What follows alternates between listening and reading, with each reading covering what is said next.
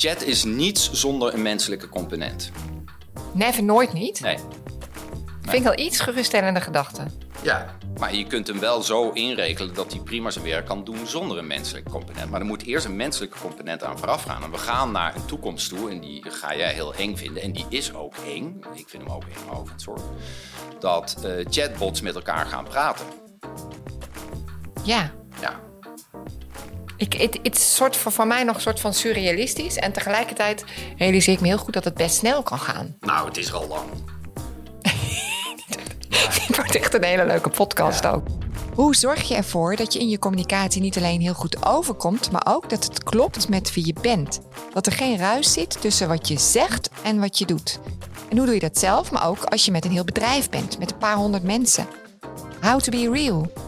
Daarover gaat dit nieuwe podcastseizoen van de Communicatiepodcast. Leuk dat je luistert, heel veel luisterplezier.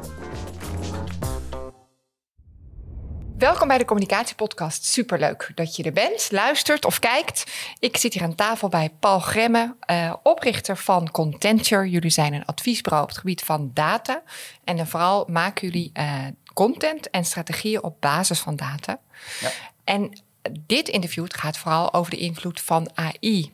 Augmented Intelligence, ChatGPT, waar we met z'n allen heel druk mee zijn. En ik begin gelijk maar eh, bij het thema, als je het goed vindt.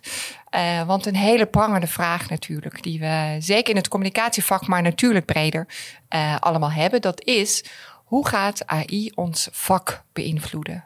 Kan je daar wat over zeggen? Ja, ehm, ChatGPT gaat de boel op zijn kop zetten. Eh, of wij dat nu leuk vinden of niet, dat gaat wel gebeuren. Dus wat eh, chat is voor eh, communicatie, was de rekenmachine voor nou, iedereen die in finance werkte, of architecten zelfs. dat is chat zo'n beetje voor ons. En je kunt daar de impact eigenlijk niet van onderschatten. Niet van onderschatten. Dus daar, daar, dat, alleen al afgelopen maand, het is een open platform, hè? Open AI, Mhm, dat is eh, de moeder van chat. Ehm, eh, dat betekent Open AI dat ook anderen met de applicatie eh, in de weer kunnen. Eh, Ja. Dus je ziet al dat Microsoft, een hele grote founder van chat, het in Bing als search engine heeft verwerkt. Maar om je een idee te geven, zijn in maart alleen al 2000 nieuwe bedrijven opgericht die met OpenAI een applicatie maken. En ehm, het erge is dat, ik weet niet wanneer wordt dit uitgezonden? Binnenkort, met een weekje of eh 1, 2. Ja, nou dan is dat wat we nu zeggen eigenlijk alweer achterhaald. Maar je hebt eh, Auto eh, GPT. Eh, dat is een afgeleide en waar de, wat eh, ken je het? Open GPT, eh, Auto GPT. Auto GPT, nee, dat denk ik niet. Maar Ja, misschien. Het is een soort van scraper. En een scraper is schrapen op het internet naar informatie. En die gaat dat nu met chat doen. En dat is de latest kid on the block. Ja? Ehm, en wat, wat je daarmee kunt is, stel jij wilt alles weten over stakeholder management, dan laat je eh, die bot eh, het internet Het zoeken. eh, afschrapen en dan zeg je: geef me eh, de beste artikelen, geef me ook het artikel ehm, met de meeste links. Hè? Dat betekent dat daar heel veel naar wordt verwezen. Geef me een rating van alle informatie die je hebt en dan gaat hij keurig voor jou zeggen: Nou, dit artikel moet je als eerste lezen, dan dit artikel. Hij doet je hele research. En dat doet hij op een manier zoals jij dat nooit zou kunnen. Dus je kunt denken, nou, ik kan lekker leuk researchen op het internet. Dat doet die bot voor jou tien keer beter en tien keer sneller en tien keer slimmer. En hij serveert het ook nog voor je uit. Hij klassificeert het en hij zet het neer. Ja. Nou, Dat is de wereld waar we op dit moment in zitten. En dat gaat razendsnel. Ja, dat gaat zo snel dat wat we nu vertellen is over twee weken alweer achterhaald. Ja. Hey, en jullie zijn gespecialiseerd in datagedreven communicatie. En in Ja. het voorgesprek dat we ha- hadden, zei je, ja, we zagen dit eigenlijk al aankomen. Hoe zie je dat aankomen? Want voor ons was het toch nog, nou ja, ons, eh, ik wil niet voor alle luisteraars spreken, maar veel eh, gewone mannen en vrouwen dachten wel even, oh, maar wat is dit? Wat komt Ja. er nu ineens? Maar jij zag het aankomen. Ja, er zijn altijd heel veel mensen die achteraf dingen hebben zien aankomen. Oh ja. Dus dat is, dat is een beetje gevaarlijk wat je nu zegt. Maar eh, er was ook al een chat GPT 2. Ja. Uh, er is een 3, er is een 3.5, er is een 4. Dit jaar gaat er geen 5 meer komen waarschijnlijk. Uh, maar het, nou, als je helemaal teruggaat, weet je nog dat je in de jaren 90 had je uh, Clippy. Dat was zo'n paperclip bij Microsoft, rechts onderin beeld. Daar kon je vragen aan stellen. Ja. Dat was een chatbot. Alleen die was zo dom dat iedereen verkneukelde zich erom. Van, nou, hier heb je niets aan. Maar dat waren eigenlijk de eerste oefeningen al. Ja. Um, uh, AI is al zover doorgevorderd in ons dagelijke, dagelijkse leven. Alleen een hele hoop mensen hebben dat hebben niet door. Hebben die door? Nee. Ja, dat geloof uh, ik ook. als je kijkt wat uh, Chrome is een AI. Hè, dus waar een hele hoop mensen mee zoeken. Alleen begrijpen ze dat helemaal niet. Alleen nu wordt het gepresenteerd als een AI. En nu zien ze wat het allemaal kan. En nu wordt het vaak als beangstigend ervaren. Ja. Wat is nou het verschil met datagedreven communicatie? Dus jullie doen uh, onderzoek naar data en op basis daarvan maak je de content en een bepaalde strategie. Daar helpen jullie grote merken mee. Ja. Um, gaat dan straks um, AI jullie ook vervangen? Nou, AI gaat je niet vervangen. Hè, dat is, die is ook al vaker voorbij gekomen. Maar iemand die heel goed kan werken met AI gaat jou wel vervangen. Ja. Dus een AI gaat een mens nooit vervangen. Maar een mens die kan werken met de AI, die gaan mensen vervangen die niet kunnen werken met AI. Ja. Uh, en dat is echt zo. En het verschil tussen wat wij doen en wat een AI doet. En wat wij doen is kijken naar uh, datasporen op het gebied van hoe zoekt een doelgroep naar jouw thematische informatie. Hè? Dus als, als, als organisatie heb je een paar thematische pijlers. Nou, hoe wordt daar naar gezorgd? Welke doelgroepen ja. zijn dat? En als je die doelgroepen weet, wat zoeken die doelgroepen dan? Waarom zoeken ze? Welke intentie zit erachter? Wanneer zoeken ze? Dat is, met data is dat te achterhalen. Je moet Ja. gewoon weten wat je doet, dus te achterhalen. Vervolgens kun je kijken op welke kanalen. Wanneer wordt er gepost door die organisatie en wanneer is de hoogste interactiegraad? En wat wij heel vaak zien, dat overlapt helemaal niet. En dan kun je ook nog kijken, hoe doet jullie content dit? Wat voor soort content maak je? Maak je hele institutionele content? Uh, maak je hele menselijke content? Is het in de je-vorm, in de u-vorm? Wat past bij die doelgroep? Hè? Dus je kunt de content doormeten en Ja. daar uh, En het succes van, van meten eigenlijk. ja, ehm, en wij zijn onderdeel geweest van FD Media Groep. Ehm, wij zijn ook allemaal oud-journalisten hier. eh, onderdeel geweest van FD Media Groep. En daar gingen wij voor hele grote klanten eh, telkens doormeten... wat doen zij nu op dat platform van het Financieel Dagblad? En eh, dan hadden ze er tien verhalen opgezet... en dan bleek heel vaak dat die verhalen niet zo goed deden. En wij kwamen erachter, ze kennen hun doelgroepen eigenlijk helemaal niet zo goed. Nee. Maar dat gingen wij telkens achteraf meten. Dus wij wisten achteraf, oh, ze hadden deze content moeten maken. Ja. En uh, nou, toen hadden wij twee jongens in dienst. Eén had een baard, de ander had een staart. Dus die noemden we ook baardje en staartje. En dat waren onze nerds. En die konden uh, een tool in elkaar zetten. En met die tool konden wij, in plaats van achteraf meten, vooraf weten. We konden zien, voor deze doelgroep, die hebben deze informatiebehoefte, moet je dus dit soort content Ja. maken. En de meeste organisaties zijn heel erg zender gedreven. Die vertellen hun verhaal. Nou, het is veel beter het verhaal te vertellen waar je doelgroep mee bezig is. Te kijken waar zit hun pijn en waar kunnen we ze helpen.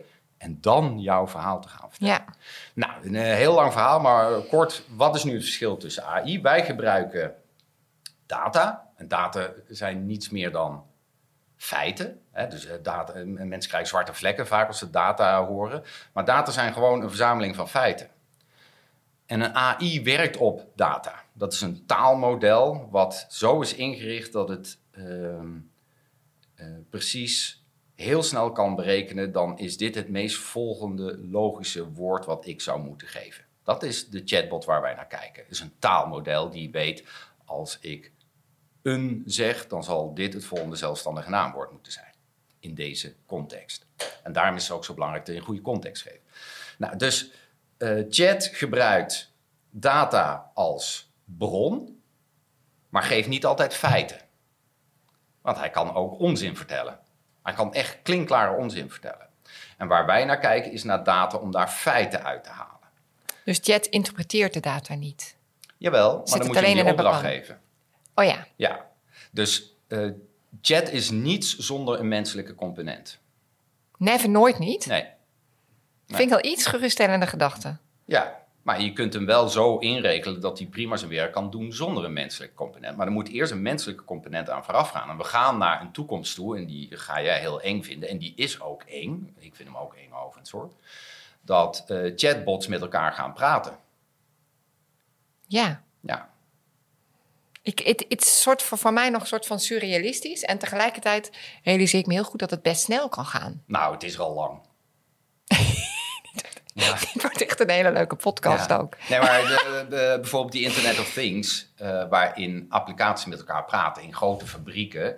Daar heb je machines draaien. Uh, als ze die machines moeten stilleggen, dat kost uh, tienduizenden euro's per dag. Dus dat willen ze niet. Dus daar zitten allemaal IoT-metertjes op. En dat zijn metertjes die ja. kunnen luisteren van... hey, deze lager die draait, maar hij draait niet op de juiste toer zoals hij zou moeten doen. Waarschijnlijk is er een lager kapot. Die moeten we op tijd vervangen. En oh, we hebben er nog drie, laten we hem nu maar stilleggen, want anders hebben we straks een groot probleem. Die praten ja. allemaal met elkaar. Ja. Dus die praten met elkaar en die praten met de machine en die geven die informatie door. Dus we hebben al uh, apparaten die met elkaar praten. Ja. We komen even in, we, we gaan natuurlijk een beetje zo, uh, dat thema soort van haast verkennen hè, met elkaar. Van wat is nou uh, chat, wat is nou datagedreven communicatie. Toch nog heel even terug naar wat jullie doen, omdat ik dat ook heel mooi en, en, en fascinerend vind. Um, ik zie op jullie website allerlei cases staan. Um, heb je een heel concreet voorbeeld van een case waarvan je zegt, ja, daar hebben we echt kunnen laten zien wat we in huis hebben. Wat je kan behalen als je heel goed naar je data kijkt. Ja, uh, ja, natuurlijk heb ik die. Um, wij hebben, en dat, het zal je misschien verbazen, maar wij hebben voor uh, RIVM. Uh, hebben wij op een gegeven moment aangeklopt en gezegd: jongens, jullie hebben echt een serieus probleem. Jullie worden namelijk niet gevonden op het thema vaccinaties. Ja. Nou, die vielen echt van hun stoel. Zeiden, wat is dit voor onzin? Uh, worden wel gevonden, kijk maar. En toen tikten ze in vaccineren. En wat bleek, daar stonden ze op één in Google. Zie je wel, we worden wel gevonden. Als mensen op zoek zijn naar informatie over vaccineren, dan doen wij mee. Hè? Sta je in die top 3 van Google, dan doe je mee. Toen zeiden ja, nee, dat klopt. Maar dat is voor 92% van de Nederlanders die zich al laat vaccineren. Dat is een soort, wij noemen dat altijd een polonaise in de doodlopende straat. Hey, we staan op één, maar iedereen wist dit toch al, dus het maakt helemaal niets uit. Als je nu intikt, waarom zou ik me vaccineren? Niet vaccineren. Twijfel over vaccinaties. Wat gebeurt er dan? Nou, gingen we dat intikken. Heel RIVM nergens te vinden. Wie waren er wel en wie domineerde de zoekresultaten? Alle antivaxers. Ja. De Vereniging tegen Kritisch Spikken, uh, Antifax, Ja. uh, nou, al dat soort partijen. Voor RIVM, dat is e- echt wel vaak een misverstand. Men denkt altijd dat RIVM zoveel mogelijk mensen wil vaccineren. Dat wil ze helemaal niet. Ze willen uh, mensen goede informatie geven, zodat Ja. ze zelf een afweging kunnen doen. En daarvoor is het essentieel dat zij in die top 3 van Google staan. Ja. Want de meeste mensen, meer dan 80% van de mensen gaat googlen als ze op zoek zijn naar informatie. Uh, nou, kom je in die top 3, dan doe je mee met het gesprek. Dan kun je jouw visie vertellen. Ja, Dus het was van belang dat zij in die top 3 stonden. En met data konden wij gewoon aantonen, jullie staan er niet. Je denkt dat je meedoet, maar jullie staan er niet. Nou, dat is één kant van het verhaal. De andere kant van het verhaal, dat is ProRail. Daar konden we een soort reputatieschade voorkomen. Door hen uh, te laten zien wat nu de meest gedeelde link van ProRail was in het afgelopen jaar. Nou, dan denk je dat gaat over corona, of dat gaat over het winterse weer, of dat gaat over een verbod op roken op perrons. Maar dat bleek het helemaal niet te zijn. En de meest gedeelde link ging over glyfosaat. En glyfosaat is uh, beter bekend als Roundup, is wat mensen in de tuin spruiten als alles dood moet. En Ja. uh, ProRail gebruikt dat om de paden langs het spoor onkruid vrij te houden. En dat moeten ze doen, want ze moeten daar een schouw doen. Ze moeten kijken of alles veilig en goed is. Um, maar daar werd nogal heftig op gereageerd. En het was de meest gedeelde link van ProRail het afgelopen jaar. En denk je, wat, wat, wat is dit voor een raar verhaal? Waarom is dit? verwacht je gewoon niet, hè? Nee, je, je verwacht het niet. Maar uh, aan de andere kant wel heel logisch. Want heel social media is de afgelopen vijf jaar veranderd. Hè? Van, vroeger was sharing is caring en iedereen deelde uh, uh, graag. Maar we zijn allemaal een beetje teleurgesteld in wat social media nu uiteindelijk heeft gebracht. Uh, dus iedereen is een soort toeschouwer geworden. Ja. Ehm, dus als mensen dan nog iets delen, dan moet daar heel veel emotie bij komen. Kijk, Ja. moet je heel vrolijk, heel blij of heel teleurgesteld zijn. Nou, hier werden mensen heel erg boos om. Waarom zijn zij de grootverbruiker van glyfosaat in Nederland? Nou, dat zijn ze inderdaad. Maar dat wil ProRail helemaal niet zijn. Er zit geen kwade gedachte achter wat ProRail doet. Eh, ze hebben allerlei contracten waar het in vast ligt van nou, we moeten dit doen. Maar ProRail is ondertussen heel hard op zoek naar allerlei oplossingen. Kunnen we het wegbranden? Kunnen we het afdekken? Zij willen dat gif ook helemaal niet gebruiken. Alleen ze communiceerden er niet over. Ze deden Nee. net alsof het niet bestond. Ja. Laten we er maar niet over hebben. Nou, werkt dat? Nee, want er was al een krant in het oosten van het land die er een stuk over had. Eh, er was een kleine petitie gestart, stop eh, Roundup langs het spoor. Maar de organisatie was er gewoon blind voor. Dus we hebben ze er echt op moeten wijzen. Jongens, jullie zijn hier kwetsbaar.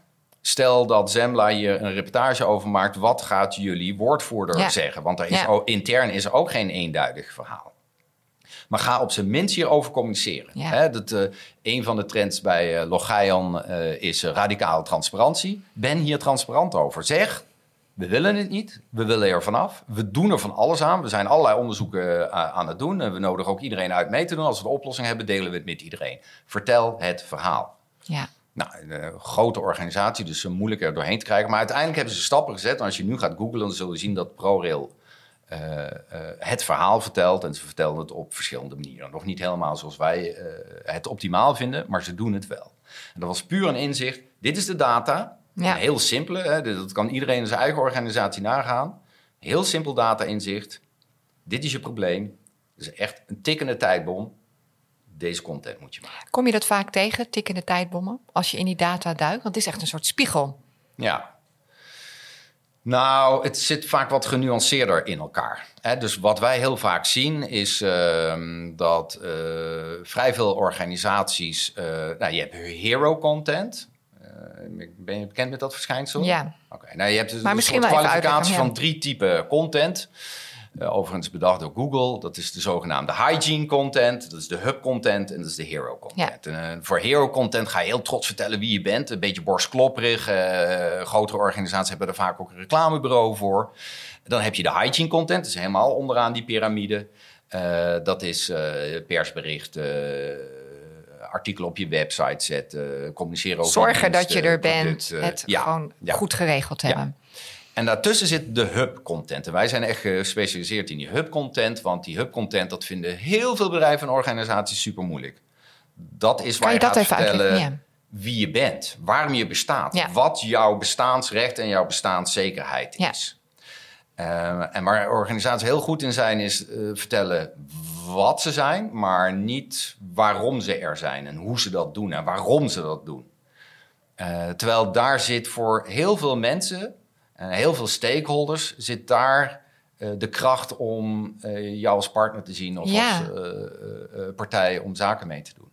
Vestigt eigenlijk je autoriteit ook wel, of niet? Ja, daar zit echt Ja. kennisleiderschap. Ja. En nou, heel veel organisaties hebben het daar moeilijk mee. Dus wat zien wij? Ehm, in, meestal is het zo dat meer dan 80% van jouw online content wordt nooit door iemand bezocht. Ja. Dus dat betekent dat van de 10 artikelen die je er maakt, dat je er acht eigenlijk net zo goed niet hoeft te maken. Hè, dat is wel heel veel tijd en energie die je dan kwijt bent. En als we dat verder uitfilteren, dan zien we, nou, ze worden vooral gevonden op hun merknaam, maar helemaal niet op hun strategische thema's. Hoe kan het dat je strategische thema's hebt gedefinieerd, maar dat je daar niet op gevonden wordt? Nou, dat is omdat ze niet zo goed weten hoe ze moeten inregelen. Nou, en die data die toont dat heel duidelijk aan. Hier word je niet op gevonden, dit zijn je strategische thema's en hier moet je eigenlijk op inzetten. En dan moet je deze content gaan maken. Ja. En als je dan weet, oké, worden hier niet op gevonden, dit zijn onze strategische thema's. En mijn doelgroep heeft deze informatiebehoefte. En je sluit die twee op elkaar aan, dan Ja. heb je impact. Dan Dan, heb je je dus content gemaakt waarvan je weet, mijn doelgroep wil dit weten. En het past bij wie wij zijn en wat wij willen vertellen. Het past binnen onze strategie. Mooi hè? Dan heb je echt de connectie ook Ja. met je doelgroep. Ja. Via content. Ja, dus wij zijn, wij bestaan 20 jaar. We zijn allemaal oud-journalisten. Wij maakten eerst ook allemaal artikelen. eh, totdat wij zeg maar Excel-fetischisten werden. Van, oh, maar de data vertelt iets heel anders. Schreef hij ook gewoon verhaal. Het is Ja. hier gewoon sinds tien jaar onmogelijk... dat iemand nog een verhaal gaat schrijven... zonder eerst even naar een dataset te kijken. Van, oké, maar waar moet dit nu over gaan? Ja. Wat, wat, waar gaat dit nu over? En dan zeggen een hele hoop partijen... ja, maar mm, ons doel is helemaal niet om in de top drie van Google. Dat vind ik zo onzinnig, daar hoeven wij niet in te staan.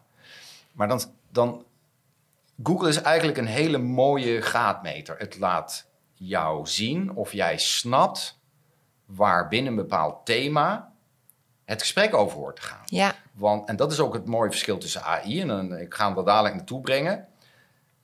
In- bij Google hebben wij met z'n allen als gebruikers hebben wij bepaald dit is de top 10. En hoe hebben wij dat be- bepaald? Eh, als jij een goed verhaal schrijft, krijg je van Google een kans in die top 10 en dan gaan we kijken wat er gebeurt. Nou, dan komen duizend bezoekers op het verhaal en 900 bezoekers zeggen wat is dit voor een zendergedreven onzin zeg? Weg. Dit is helemaal geen antwoord op mijn vraag. En dan stappen ze eruit. En als dat heel vaak gebeurt, dan zakt die pagina Ja. gewoon de top 10 uit. Heb jij een heel goed verhaal geschreven, je staat zeg maar op positie 9 in Google. En mensen landen daar en denken, hey, dit is, oh, wat een goed verhaal zeg. Nou, en na het scannen, want mensen scannen eerst zo'n pagina, gaan ze het lezen. Google registreert dat. Veel mensen lezen dit verhaal. Oké, we geven hem, op, hij gaat omhoog, hij gaat Ja. omhoog, hij gaat Ja. omhoog. Dus je moet is een Google soort zien. publieksprijs, hè, als je Ja. er bovenin zit. Ja, ja, dus je moet Google zien als een hele mooie onafhankelijke scheidsrechter, een mensenscheidsrechter. hè. Wij met z'n allen bepalen dit. Eh, snap jij binnen een bepaald thema waar het gesprek over hoort te gaan? Ja, En daarom gebruiken wij het zoveel. Een hele goede graadmeter. ja, Nou, wat is nu het verschil met een AI? Een AI die haalt zijn informatie op, hou je vast, 5 miljard. Sorry, nog niet voldoende. 500 miljard parameters. En dan zie je een parameter als een, een soort bibliotheek. Hè? Dus hij heeft eh 500 miljard boeken gelezen. Laten we het zo maar even noemen om het eh, simpel te houden. En 500 miljard is al zo'n groot getal dat we het niet eens eh, eh, eh, kunnen bevatten. Daar is hij op getraind en dan haalt hij zijn informatie vandaan. Maar hij is wel, het algoritme is ingesteld door een paar nerds in Silicon Valley. En daar baseren we ons nu allemaal op. Ik Ja. vind dat echt wezenlijk anders dan Google, waar wij met z'n allen bepalen wat het antwoord op een vraag is. Nu is het een soort algoritme wat is ingesteld door een paar mensen die bepaalt als je deze vraag stelt aan een Dan laat gaat hij dit- dit antwoord geven. ja. En dat, dan haal, geef ik hem deze bibliotheek of deze boeken. En dan moet hij het daaruit gaan halen. En, de selectie hij- van die boeken en die parameters worden door de nerds gedaan. Nou, nee, de selectie niet eens, die heeft hij zelf gehaald, maar wel waar zijn voorkeur naar uitgaat. Hè. We weten inmiddels dat eh, ChatGPT dat die linksliberaal georiënteerd is. Er hebben een paar jongens in Duitsland, die hebben een heel mooi onderzoek gedaan. Die hebben ehm, bijvoorbeeld de stemwijzer in Nederland gepakt. Dan hebben ze de vragen uitgehaald, die hebben ze aan chat gevoerd. En toen hebben ze aan chat de antwoorden gevraagd. Die hebben ze vervolgens de stemwijzer mee ingevuld. En wat bleek, dat het was heel links georiënteerd. Links-liberaal. Op zich is dat niet erg, maar uiteindelijk wil je zelf bepalen. Ja. Dus het is gekleurder dan Google. Nee, Google is ook gekleurd, maar dat is gekleurd door, Door heel veel door mensen. heel veel mensen. Ja. En eh, dit wordt gekleurd door één kant. En wat daar interessant aan is, is dat eh, ChatGPT 4 zit in Bing. En Bing is van Microsoft. Microsoft is de grote geldschieter. De- je kunt in Bing kun je ChatGPT 4 gebruiken en dan kun je mee aan de slag gaan. En die hebben een andere presentatie. Die eh, presenteert jou zeg maar een antwoord. En waarom is Bing zo interessant? Bing heeft wel een lijn naar buiten. Die heeft een lijn met het internet. Daarom is Bing interessant. Maar hij presenteert het als een soort snippet. Dus je, krijgt, eh, je stelt een vraag, hij geeft je een antwoord en dan zegt hij: Hieronder heb ik vijf blokjes en dat zijn mijn bronnen. Maar zo werken de meeste mensen niet. De meeste mensen die gaan werken, als Bing mij dit vertelt, lees ik het antwoord. Oké, nou, dank. Dit is een feit. Die gaan het voor een feit aannemen.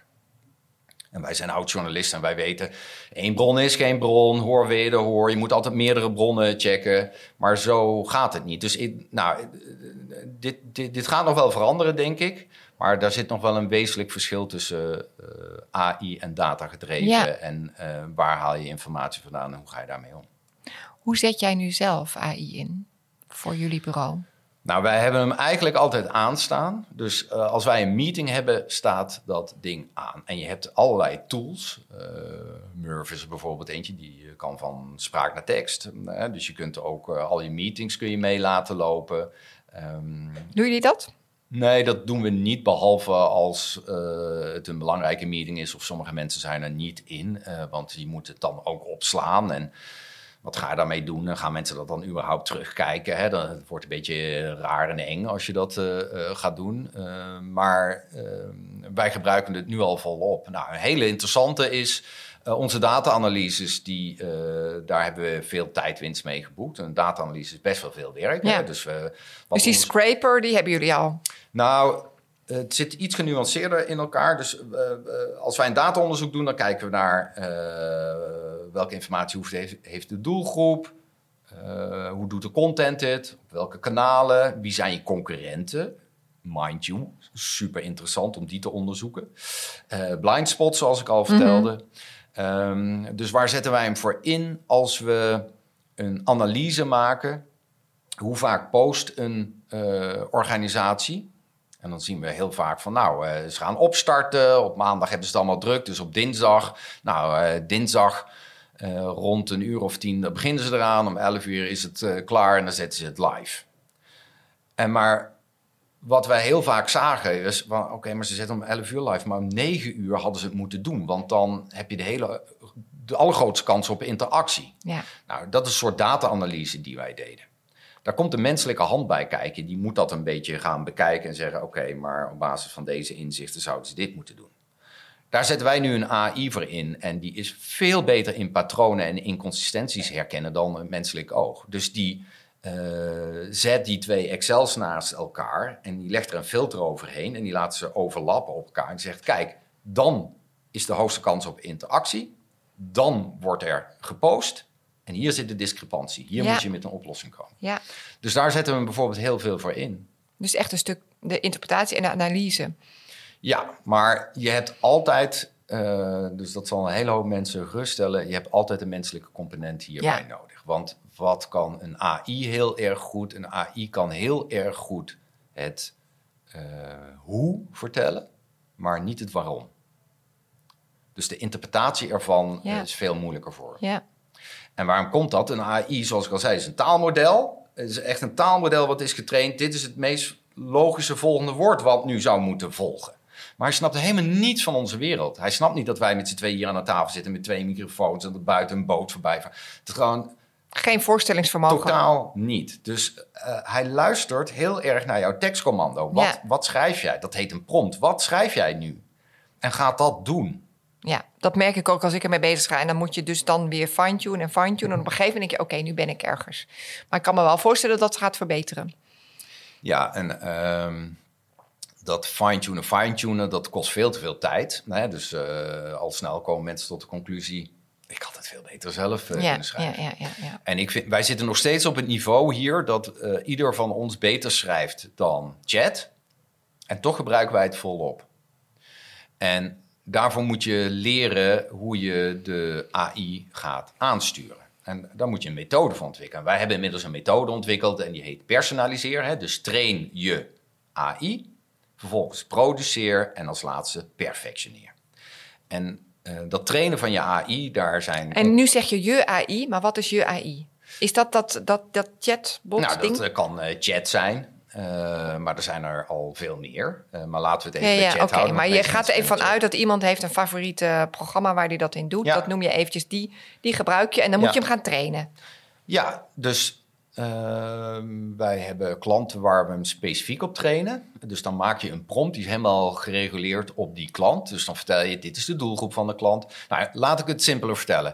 We hebben twaalf uitgangspunten. En de e-, eerste uitgangspunt is rol. Je zet een AI altijd in een rol. Als je dat niet doet, krijg je veel slechtere output. Dus wil je een goede output van een AI hebben, zet je hem in een rol. En in een rol bedoel je gewoon Jij wat hij moet de allerbeste communicatieadviseur van Nederland. Ja. Je weet alles van, nou, interne communicatie. Ja. Je installeert hem eventjes ja. van dit ga je nu voor me doen. Ja, want dan snapt hij al, oké, okay, dit ben ik.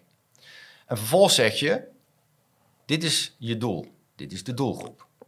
Dit is je taak. Ehm, heb jij eh, voorbeelden van een heel goed verhaal bijvoorbeeld? Dus ja, zo'n verhaal willen we. Hier het voorbeeld. Voed hem het voorbeeld. Hè, dan ben je me eigenlijk al data aan het voeden.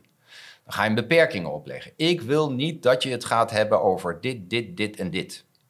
Hè, dus, ik wil, dit is het format. Het moet een blog worden. Het moet een brief worden. Het moet een speech worden. Uh, ja. Hè, dus uh, die twaalf uh, randvoorwaarden staan op onze website. Dus een step-by-step guide. Dus die kun je gewoon Mooi. vinden als je naar onze blog ja. gaat. Um, en dan uh, er zitten ook bijvoorbeeld brackets in. Dat zijn die haakjes. Die haakjes zet je tussen dingen waarvan je denkt: dit wil ik niet terugzien in de output. En, uh, misschien heb je hem inmiddels al gehoord: garbage in is garbage out. Als je hem slecht voedt, als je hem slecht traint, dan gaat er ook onzin terugkomen. Waarom? Nogmaals, hij snapt helemaal niks van jouw wereld. Dus als jij niet heel precies zegt: ik wil dat je dit doet, dan gaat het ook niet terugkomen. Nou, als hij je dan uh, feedback heeft gegeven, hè, dus aan de hand van een prompt van ga nu aan de slag. Eh, wij uh, beëindigen een opdracht ook altijd met drie vragen. Heb je alles? Snap je de opdracht? En als laatste, hoe zou ik deze prompt kunnen verbeteren? Want daar leer je elke keer van. Hè? Als je hem telkens vraagt, hoe zou ik dit kunnen verbeteren? Hoe zou ik dit kunnen verbeteren? Nou, dan geef je hem de opdracht nu aan de slag en dan gaat hij aan de slag. En dan ga je perfectioneren, dat is de laatste fase. En perfectioneren is eigenlijk praten met een AI zoals je een mens behandelt. Ja. Uh, dus wat heel veel mensen doen is, uh, oh, het zijn tekstcommando's en een commando is, ik moet heel duidelijk en blafrecht tegen ja, ja, ja. Dat moet je niet doen. Oh. Als jij chat een vraag stelt, krijg je een veel betere en mooiere output dan als je hem een opdracht geeft. Dus als je zegt, schrijf voor mij tien verhalen over dit onderwerp, stakeholder management, nou, dan gaat hij keurig jouw opdracht volgen. Maar als je zegt van welke tien verhalen over stakeholder management zouden in Nederland op die doelgroep nou een leuke insteek zijn, dan zul je een veel rijkere uh, oogst. Zet je hem eigenlijk in een andere rol? Ja. Dus dan is hij niet in de uitvoerende rol, maar in de. nou, van... maar kijk, de rol zetten is: je bent uh, een communicatieadviseur. En dus hij, hij, moet vanuit die rol wel denken. Maar in plaats van opdracht geven is vragen vaak veel interessanter. Ja, grappig. Toch is het een beetje gek, hè? Als je het er zo over hebt. Er blijft een beetje cirkelen om dat stukje van... Oké, ik ken dit, want ik heb hem uh, voor de podcast... De vorige, als je de nieuwsbrief uh, ook van de podcast uh, leest... Mm -hmm. De vorige was met een filosoof, Remco. Heel mooi interview. En ik zat heel erg te puzzelen op die, op die soort van... Ik wilde natuurlijk een pakkende openingszin en zo'n regel. Dus ik heb ongeveer 20 minuten met ChatGPT zitten sparren over die regel. En er kwam inderdaad een mooie uit. Maar op een gegeven moment merkte ik gewoon dat ik iets ging zeggen als van nou super bedankt, ik heb er echt heel veel aan. Toen dacht ik, ik hoop dat niemand dit verder leest, want dit ziet er heel gek. Dat je, dat je zo gaat communiceren. Ja, en toch is hij daar wel eh, ontvankelijk voor. Hij, is, hij reageert beter als je zegt heel goed, hè, een soort aanmoediging, dan als je zegt, hmm, ik vind het een beetje tegenvallen, zou je niet dit kunnen? Want dan gaat hij heel snel in een excusestand. Sorry dat ik je niet heb kunnen helpen. Uh, dus aanmoedigen werkt wel degelijk. Behandel hem als een mens. En ik weet, het klinkt raar en het klinkt eng. Maar um, als jij uh, denkt, ik ben aan het praten naar een mens, dan zul je bij een mens ook uh, meer informatie krijgen als je open vragen stelt dan ja. als je gesloten vragen Dus je doet het niet om een band op te bouwen, maar om betere relatie te krijgen. Ja. betere informatie te krijgen. Ja. Um, jij bent ook ondernemer. We hadden net eventjes in het voorgesprek over van uh, ook iets workaholic. Uh, een stukje herkenning hadden we daarin. Um, ben jij nou niet soort van bezorgd over je eigen businessmodel? Heb je je businessplan aangepast hierop? Nee, uh, ik vind dat wij in fantastische tijden leven. Dus ik zie dingen niet snel als een bedreiging, maar eerder hoe kan ik het omarmen? Uh, en ik zie wel een soort tendens. Um, dus als je naar de tendens kijkt, ik ben ook uh, dol op geschiedenis. Um, dus een hele hoop mensen zeggen, ja, maar er is ook heel veel fake nieuws. Maar fake nieuws was er ook al in de tijd van uh, Ramses II, 3000 jaar geleden. Die beweerde dat hij allerlei overwinningen op de Hittiten had gehaald, die hij helemaal niet had gehaald. En dat staat nu in allerlei geschiedenisboeken dat was al uh, fake news avant la lettre. Ja, er gaat heel veel fake news komen. En uh, ja, er gaat ook heel veel fastfood content komen. Gewoon onzin content van marketeers die denken... oh, dit is makkelijk, we gooien er nog eens een keertje uh, iets uit. Maar dat was ook toen het internet kwam. En sterker nog, dat was ook bij de boekdrukkunst, zeiden mensen ook. En toen de trein kwam, zeiden mensen... nee, de koeien gaan zure melk geven en je haar ontploft. Uh, dus dat... Uh, je kent misschien ook wel dat filmpje hier in Amsterdam opgenomen, eerst uh, midden jaren 90. Uh, meneer, gaat u beginnen aan een mobiele telefoon? Nou, gewoon 90% zei alsjeblieft niet zeg. Altijd bereikbaar zijn. Als ze me nodig hebben, bellen ze me thuis maar. Vind juist lekker om wat rust te hebben. Nou, hoeveel van die mensen hebben nu nog geen mobiele telefoon? En ik zeg niet dat hoe meer applicaties, hoe beter. Maar het is fact of life. Dit zijn dingen die gebeuren. AI is er, die kun je niet wegdenken. Uh, je kunt het als een bedreiging zien, maar het gaat je niet helpen. Alles rolt door en rolt over je heen. En er gaan fantastisch mooie dingen uit. We gaan problemen oplossen die we voor. Die we, die we eerst zelf veroorzaakt hebben. Ja, dat. En die we als uh, onoplosbaar. Ja, zien. ik snap je wel. Ja. En er gaat ook heel veel ellende van komen. Maar dat, dat, dat, dat is bij iedere nieuwe uitvinding. Ja. Maar jij, hoe, en hoe bereid jij, hoe, wat zou je tip zijn? Er luisteren veel communicatieprofessionals. Ik had net al even de ondernemersvraag. Nu als communicatieprofessional, hoe kan je hierop voorbereiden?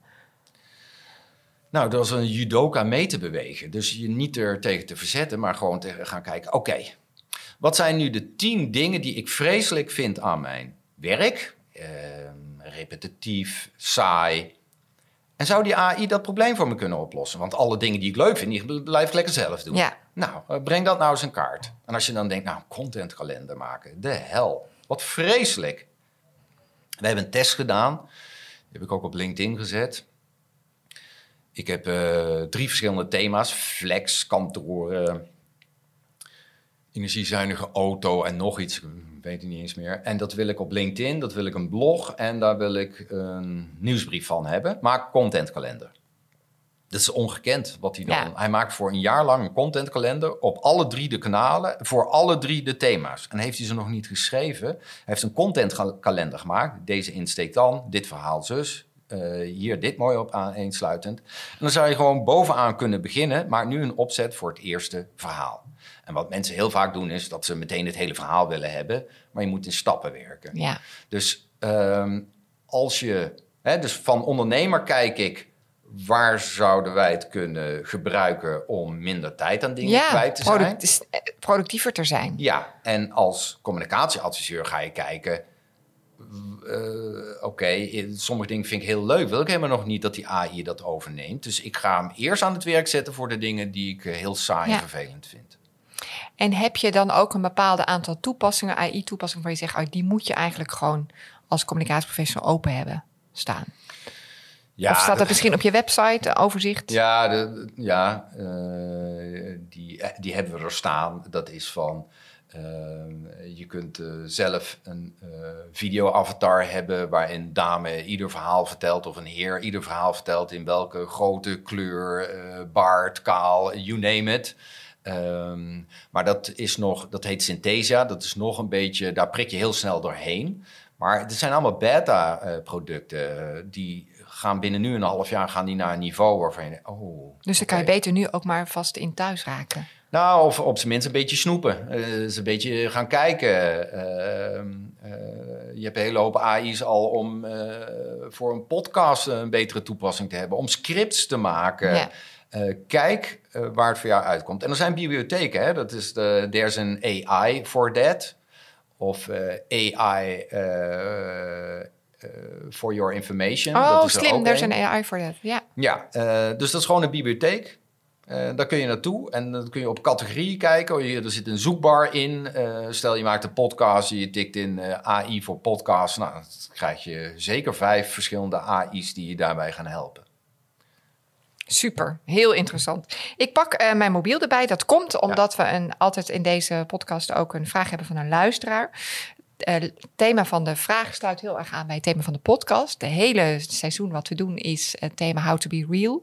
Dat gaat heel erg eigenlijk over dicht bij jezelf blijven als organisatie en als persoon. En dan dat ook uitdragen. Dus transparant, open, eerlijk. En nou komt er natuurlijk even zo'n thema van AI tussen. En de vraag gaat hier ook over van hoe ehm, ja, waar zijn we dan zelf nog? En wat is onze menselijkheid en hoe echt zijn we nog? Ehm, de vraag is van Nanna Dorre, bestuurder communicatieadviseur bij de overheid. Dat vind ik ook mooi, want de overheid hadden we nog niet in het rijtje. We hebben de ondernemer gehad en de communicatieprofessional. Maar hoe kan je nou als overheid je gaan voorbereiden? Uh, dit is haar vraag. Mijn vraag is: voor welk probleem is ChatGPT een oplossing? Wat bereiken we ermee en voor wie? Ik heb er de laatste tijd veel over nagedacht en ik moet eerlijk zeggen dat ik geen bevredigend antwoord op die vraag kan vinden. Sterker nog, ik denk dat dit soort programma's en modellen alleen maar problemen veroorzaken. We krijgen niet alleen te maken met oncontroleerbare, middelmatige en op aannames en vooroordelen gebaseerde informatie, maar we worden er ook nog eens lui en gemakzuchtig van. In een blog op jullie website schrijf jij: Van teksten schrijven gaan we naar teksten componeren. En even later staat er: Je doet jezelf tekort als je daar geen gebruik van maakt. Toevallig word ik er erg gelukkig van als ik een diepe concentratie mag zwoegen op een speech. En ik word helemaal gelukkig als ik later hoor dat de toehoorders tot, tot tranen toe waren geroerd ik zou in ieder geval mezelf en misschien ook wel mijn toehoorders tekort doen als ik het niet zelf zou doen, maar aan een programma als ChatGPT zou overlaten. Ook schrijf je, door ChatGPT komt er een tsunami van middelmatige content op ons af. Daarom wordt het dus nog belangrijker om met iets unieks te komen. En dat roept bij mij de vraag op: waarom dan überhaupt ermee beginnen? Oftewel, voor welk probleem is dit de oplossing? Tot slot, vaak gehoord, ook op jullie site te lezen, AI dendert toch wel door. Dus als er niet in meegaat, dreig je buiten de boot te vallen. Dit is volgens mij precies wat de techbedrijven ons willen laten geloven: dat we niet zonder ze kunnen. Ik vind dat we juist als communicatieprofessionals dit soort claims naast ons neer moeten leggen en onze eigen weg moeten kiezen. En ons vooral de vraag moeten stellen: voor wie doen we ons werk en welke waarden zijn daarbij van belang? Ik ben benieuwd naar je reactie. Ja, leuk. Eh, dat eh, is niet één vraag, maar eh, volgens mij zijn het er wel drie. Ehm, het is ook heel herkenbaar. dus dit, ik, ik, hoor dit vaker. Er, zijn, er is nog nooit een applicatie geweest die zo snel um, ehm, 1 miljoen, 10 miljoen. De laatste keer dat er 10 miljoen bezoekers in een korte tijd het record stond, het is echt vreselijk, maar stond op Candy Crush. Het was uh, drie maanden, uh, geloof ik, uh, uit mijn hoofd. Dus spin me er niet op vast. en Chat deed dat in een paar weken. en was daarna al door naar 100 miljoen bezoekers. En nu meer dan 100 miljoen bezoekers. En dat ging echt in minder dan, volgens mij, zes weken. Ja. Nou, dat geeft al aan wat voor een impact dat de tool heeft. Hè? Dus heel veel mensen zien daar kennelijk wel een waarde in. Mm En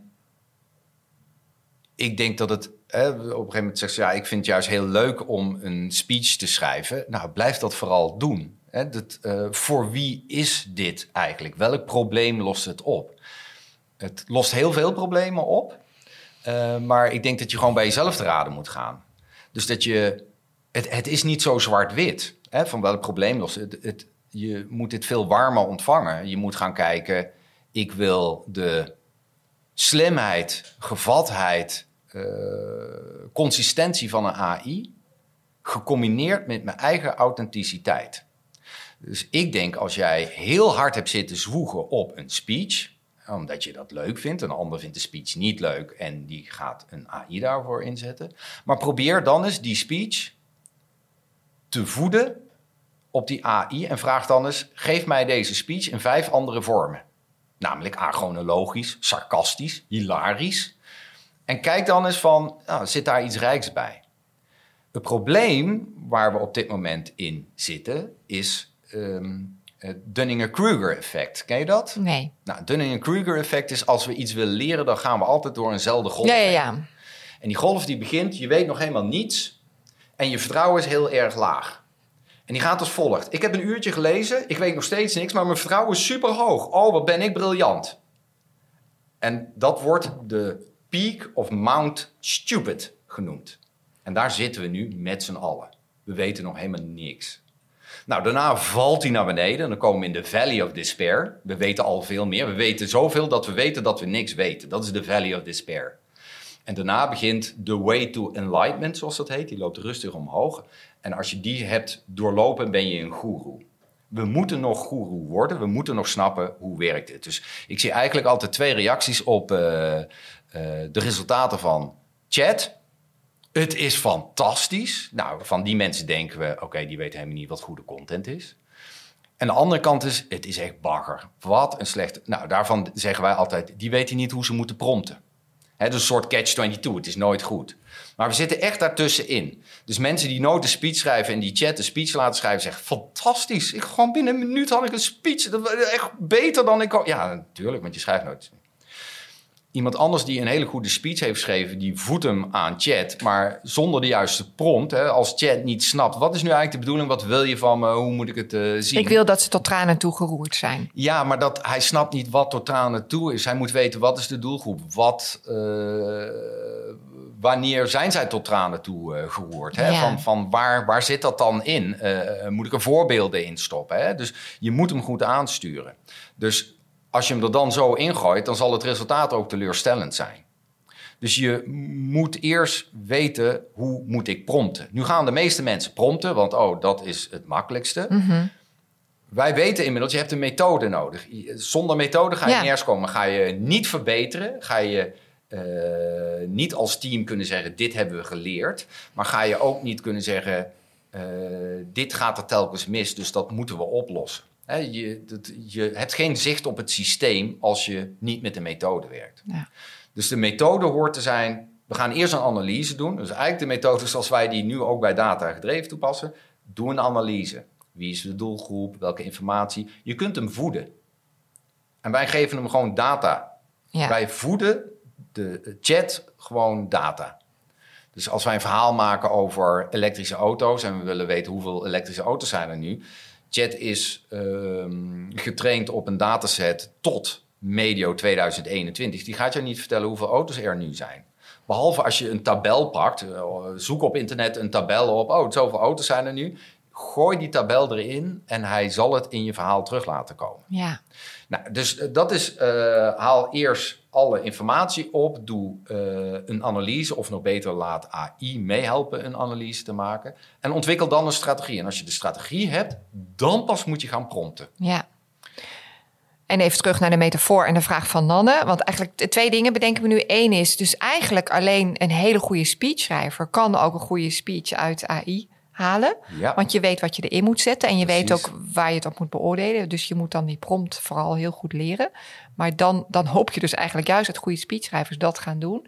Het andere is, wat ik er doorheen hoor, is... Um, begin er sowieso niet aan. Dus we hebben het nu eigenlijk over van hoe je het zo kan doen... dat het wel goed bruikbaar is en wel je problemen oplost. Maar uh, eigenlijk hoor ik haar zeggen van... ja, maar waarom zou je het willen?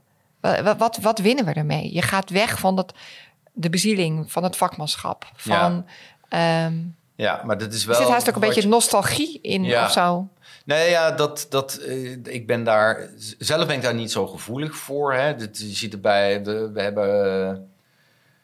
We schrijven ook niet meer met de ganzenveer en ook niet meer op een tikmachine. En sommige mensen vonden dat ook echt heerlijk. Gewoon echt dat aanslaan van die uh, toets op een, en, hem, en hem horen ratelen. Hè. Dat is ook gewoon een computer geworden. Dus dat, dat, ik snap de sentimenten, uh, maar dat is niet echt houdbaar. En pas als je de voordelen ervan gaat inzien, ga je het ook omarmen. En tot die tijd is het, ja, het is, hè, veel mensen noemen het ook ja, een, een, robot. En met een robot praat je al in een frame. Daarmee maak je hem heel beangstigend. Het is eigenlijk gewoon software.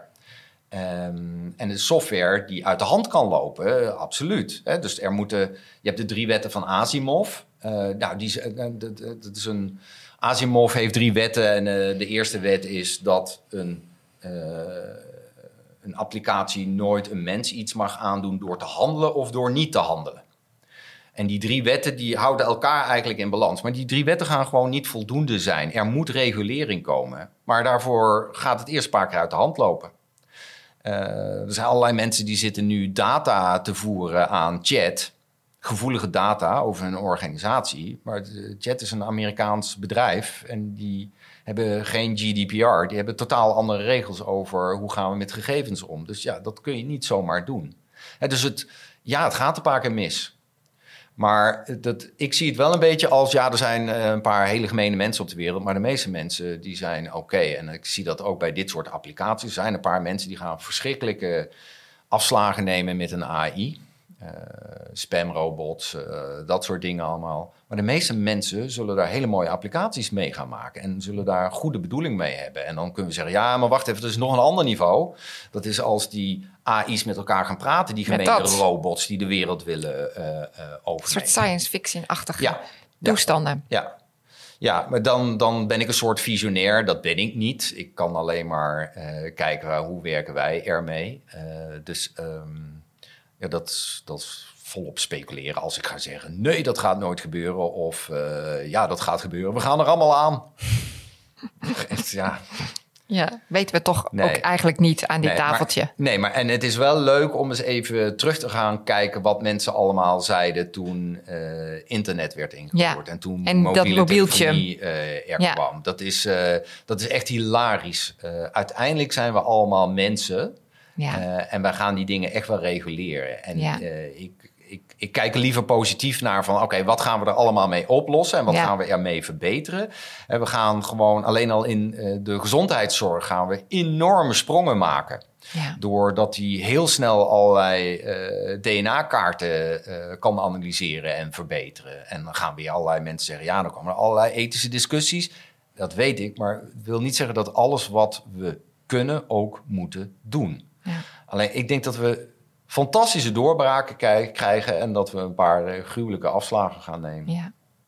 Nou, ik heb nog honderd vragen. Alleen dat lukt niet meer in deze tijd. Er komt er zo nog één.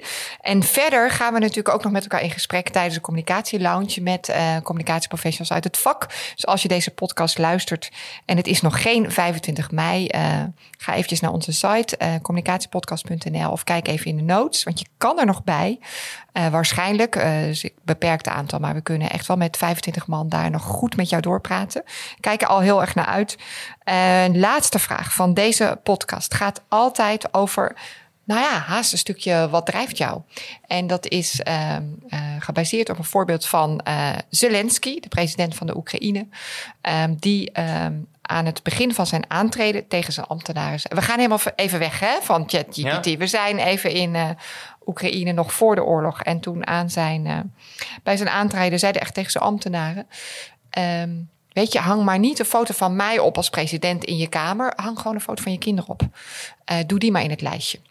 De vraag die ik aan elke podcastgast stel is, uh, dus nu ook aan jou, Paul. Wat mag er in jouw lijstje?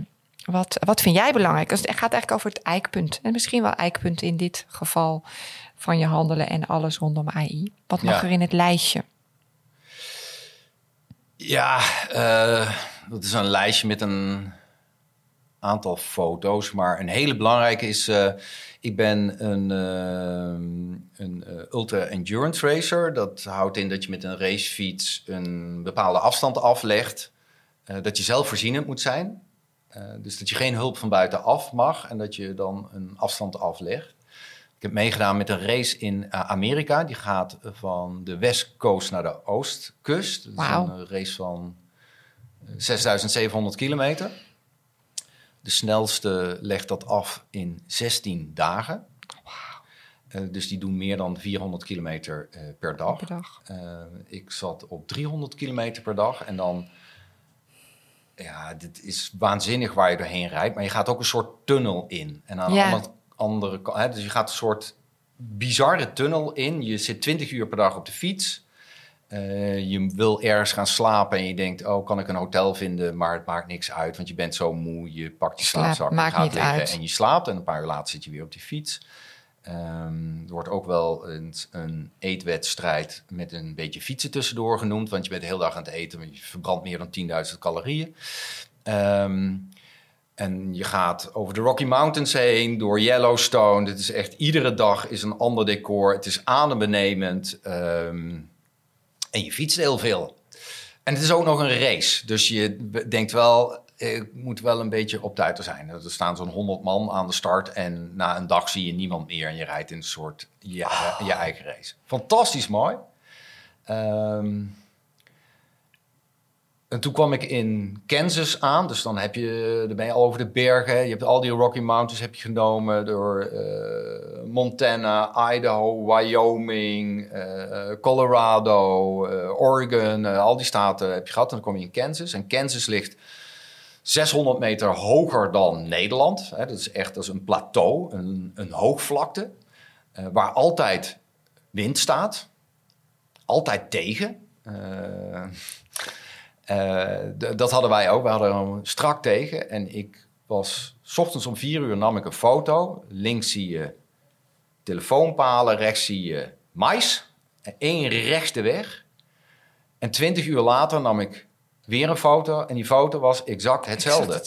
Twintig uur later? Ja, en dan heb je dus een soort gesprek met jezelf. Wat ben ik hier aan het doen? Waarom doe ik dit? Oh, ik ben zo moe. Alles. Als ik maar heel even mijn ogen dicht zou doen, dan zou ze lekker zijn. Wat zou ze thuis aan het doen zijn? Oh, ik mis ze thuis. Oh, ik ben kapot aan het gaan. Alles doet pijn. Oh, waar, wat was dit een stom idee? Ehm, dat is zo'n gevecht met jezelf. En dat leert wat... Uh, nou, misschien wel een grote metafoor het leven is. Vallen opstaan en weer doorgaan. En dat is ook wat voor mij ondernemen is. Oh, je hebt iets bedacht, het is gewoon waardeloos. Oké, je bent gevallen, je gaat opstaan en je gaat weer door. Toen wij met data begonnen, dat was echt gewoon zoeken, rampzalig, uh, verkeerde analyse. Uh, uh, maar wij zagen wel de potentie. En je moet zeg maar een soort potentie ergens van inzien om weer... Hè, je moet een soort hoop hebben om weer op te staan. Nou, dat is voor mij is die die foto in Kansas is, ook al is het nog zo moeilijk, je staat op en je gaat weer En je gaat weer door. Maar dat is dus ook heel erg de krachten uit jezelf halen op een bepaalde manier. Hoe doe je dat dan? Nou, dat is niet zozeer de kracht uit je, ja, in zo'n race misschien. Maar in die race uh, heb je doelen, daar heb je voor getraind. Uh,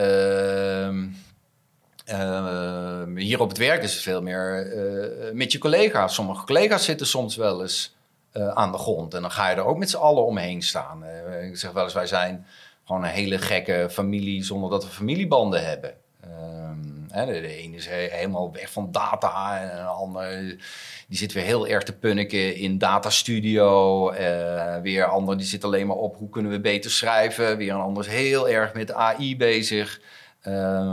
Tezamen uh, vormen wij een heel sterk team. Ja. Dus dat, ik haal daar. Met allemaal met hetzelfde doel.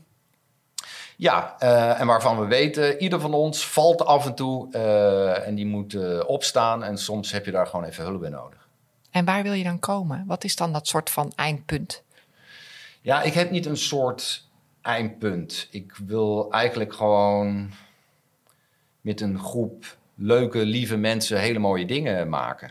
Uh, en daar kicken wij enorm op. Als we een nieuwe doorbraak hebben, als we een API hebben gebouwd, zeggen we... nu kunnen we ook deze analyse ja, doen. dat. Dit is vet. Uh, zo'n zo'n zo'n reputatie, zo'n blindspot analyse... toen we dat voor het eerste keer goed werkend hadden... Nou, dat was echt een kippenvelmoment. Uh, als we een klant laten zien van... Uh, dit is de frequentie waarin jullie uh, op kanalen posten, maar dit is de frequentie die je had moeten doen met deze thema's uh, en deze insteek. En we doen dat en je ziet daarna, engagement is er wel. Ehm, mensen gaan zich inschrijven, gaan hem volgen, er wordt contact gelegd. Nou, dat zijn kippenvelmomenten. Ja. Dat wat je hebt bedacht, dat werkt gewoon. Dat het echt. werkt. Ja, ja, ja. Tof. Ja. Ja, daar kan ik ook heel erg van aangaan. Dat gevoel van Ja. met elkaar aan iets bouwen en dat er echt, ehm, echt iets staat. ja. Dankjewel. Ik vond het heel waardevol om met jou zo in gesprek te gaan. Ik hoop eh, jullie, als je geluisterd hebt, ook. Eh, als je vragen hebt of als je iets wil, eh, nog meer wil weten van Paul. eh, jij bent vrij actief op LinkedIn. Paul Gremmen, zeg Ja. ik goed hè? Ja. Eh, of contenture.com.nl. .nl. Ehm, zoek zeker eventjes eh, Paul op en ga ervan leren. En kijk ook even op de site en alle posts die er voorbij komen. En als je wil weten naar de volgende aflevering of iets over de lounge, dan moet je zijn bij communicatiepodcast.nl. Dankjewel voor het luisteren. Dankjewel voor het luisteren. Wil je nou meer inspiratie? Ga naar communicatiepodcast.nl en schrijf je in voor de nieuwsbrief. En natuurlijk hoor ik ook heel graag wat je vond van deze aflevering. Laat heel graag een review achter op het platform waar je nu luistert. Tot de volgende keer.